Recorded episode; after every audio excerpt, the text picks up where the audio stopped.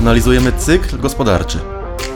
Określamy trendy na rynkach akcji, obligacji i surowców. Wybieramy adekwatną klasę funduszy inwestycyjnych. Sprawdźmy, w którym miejscu cyklu jesteśmy dziś.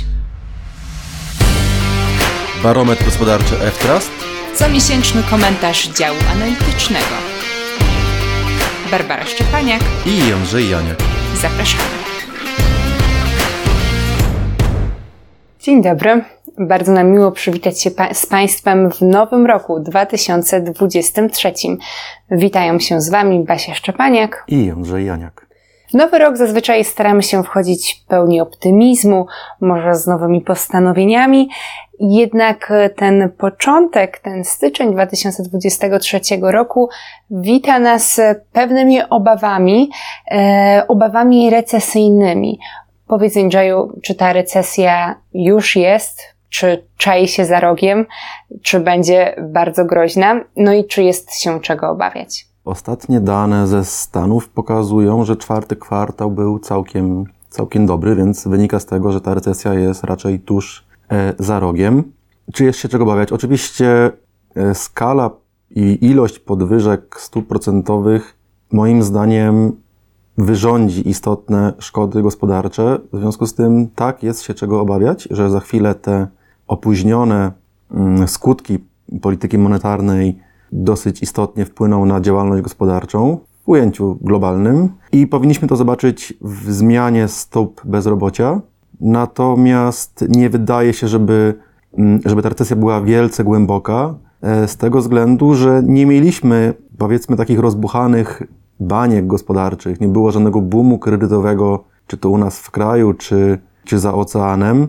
W związku z tym wydaje się, że, że niekoniecznie ta recesja powinna być jakaś wielce głęboka. Czyli to może takie spowolnienie, które musi nieuchronnie nadejść, ale ja bym wróciła jeszcze do tego wątku spadku kondycji e, rynku pracy.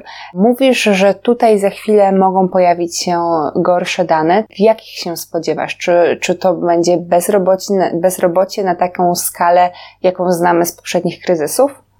Niekoniecznie, dlatego że właśnie z racji tej spodziewanej niezbyt głębokiej recesji, firmy będą do samego końca starały się utrzymać pewne poziomy zatrudnienia, z tego względu, że wiedzą, iż trudniej jest znaleźć, przyszkolić i dostosować nowego pracownika, niż utrzymać e, obecną kadrę. I jeżeli to spowolnienie jest takie bardziej, powiedzmy, dostosowawcze się po tych ostatnich szokach związanych z pandemią i teraz z kryzysem energetycznym, to raczej firmy będą chciały łagodnie przez to przejść, jeśli chodzi o te zasoby e, ludzkie.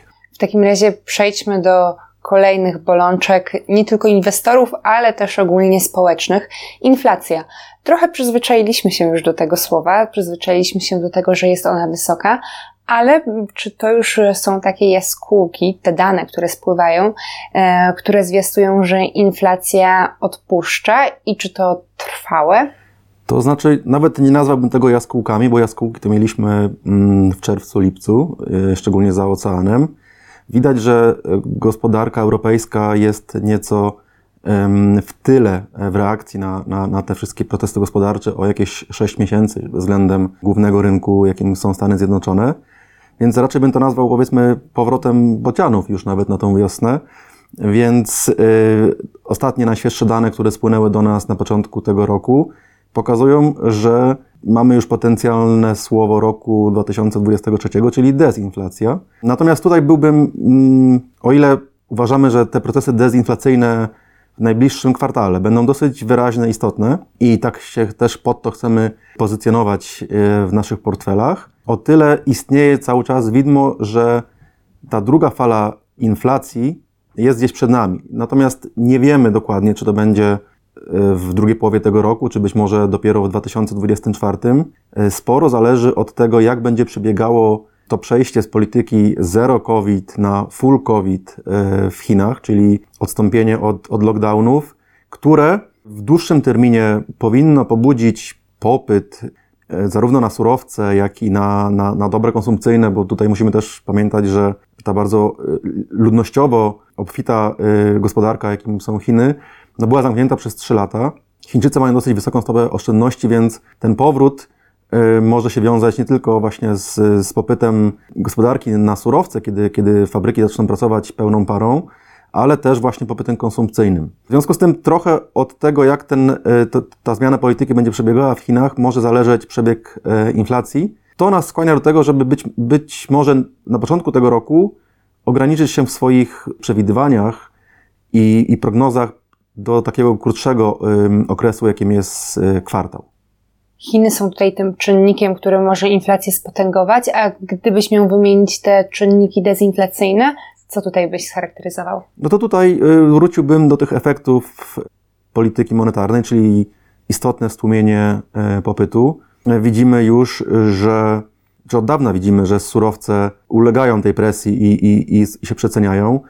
Tutaj takim takim powiedzmy surowcem, który najszybciej zaczął reagować na to i może też trochę nam pokazywać, jaka jest kondycja gospodarki, na przykład amerykańskiej, to są ceny drewna, które reagują istotnie na spowolnienie w popycie na, mm, na nowe domy. Czyli e, widzimy, że to drewno, które notowało jako pierwsze swoje rekordowe poziomy, już dawno dodało te wszystkie, te wszystkie wzrosty i nie widać tam póki co mm, żadnego, żadnego odbicia. Ropa y, jest tańsza niż przed wybuchem wojny. Tutaj też należy wspomnieć czynnik pogodowy, który póki co jest, ta pogoda jest bardzo ciepła, co powoduje, że ceny gazu mm, są istotnie niższe niż y, przed wybuchem wojny, ale cały czas no, dwu, trzy razy wyższe niż powiedzmy średnia z lat przed rokiem 2020. E, w związku z tym w tym pierwszym okresie dalej jesteśmy zdania, że te surowce będą e, pod presją. Natomiast są dwa czynniki. Pierwszy, o którym już wspomniałem, czyli yy, zmiana polityki w Chinach i, i potencjalny, powiedzmy, boom popytowy. A drugim czynnikiem jest to, że zwiększenie podaży y, surowców nie jest takie, no wymaga czasu, nie jest krótkotrwałe.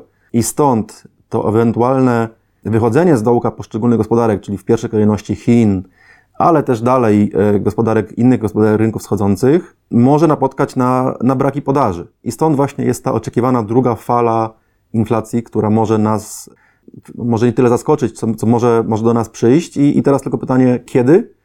E, będziemy to bacznie obserwować i, i starać się pod to też określać to nasze miejsce w cyklu koniunkturalnym.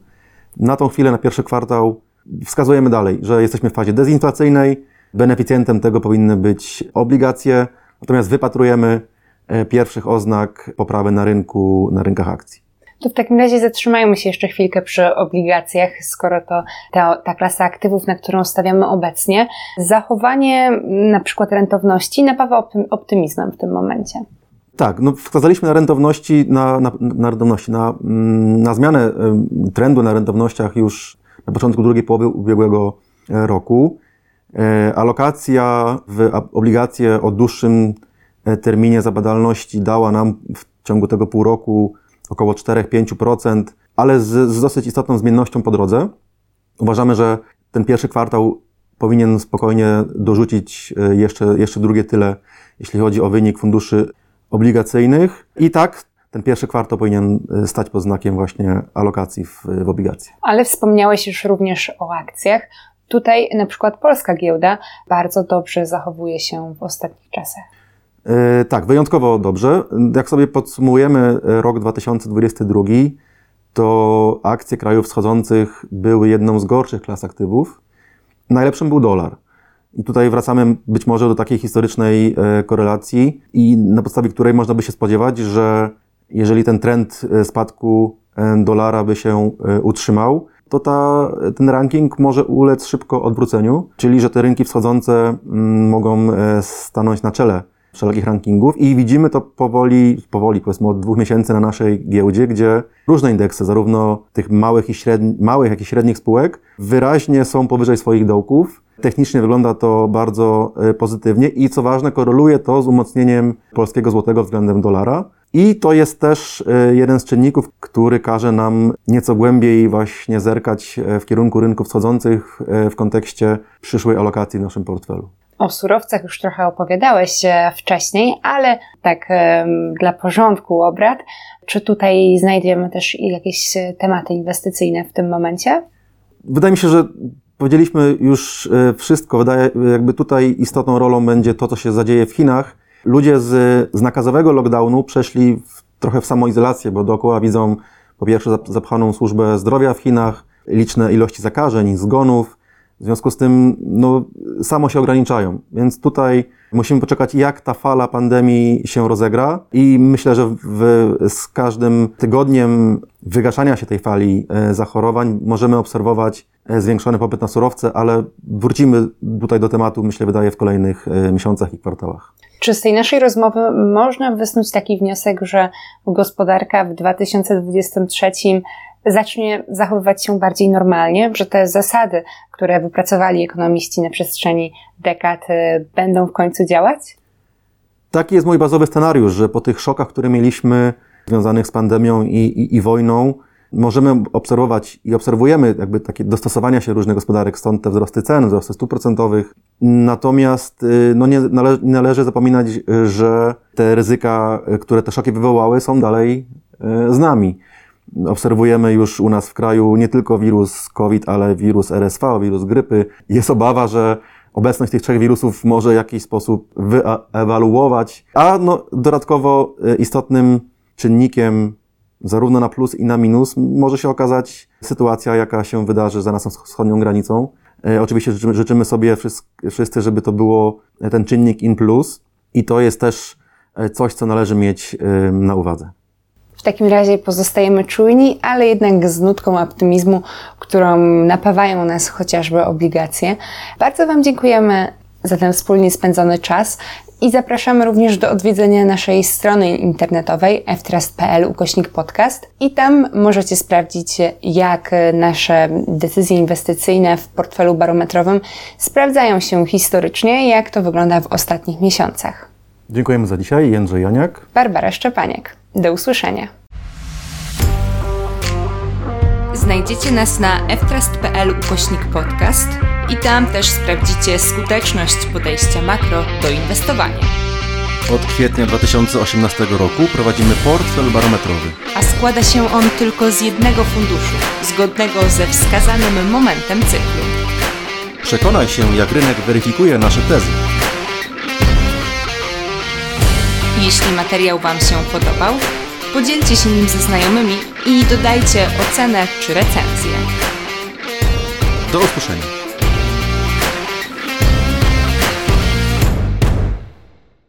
Niniejszy materiał ma charakter edukacyjny, informacyjny i reklamowy oraz nie może być podstawą do samodzielnych decyzji inwestycyjnych. Nie stanowi on oferty w rozumieniu kodeksu cywilnego, usługi doradztwa inwestycyjnego ani rekomendacji inwestycyjnej. FTRAS SA informuje, że z każdą decyzją inwestycyjną wiąże się ryzyko. Fundusze nie gwarantują realizacji założonego celu inwestycyjnego ani uzyskania określonego wyniku inwestycyjnego. Szczegółowy opis czynników ryzyka znajduje się w odpowiednim dla danego funduszu prospekcie informacyjnym oraz kluczowych informacjach dla inwestorów.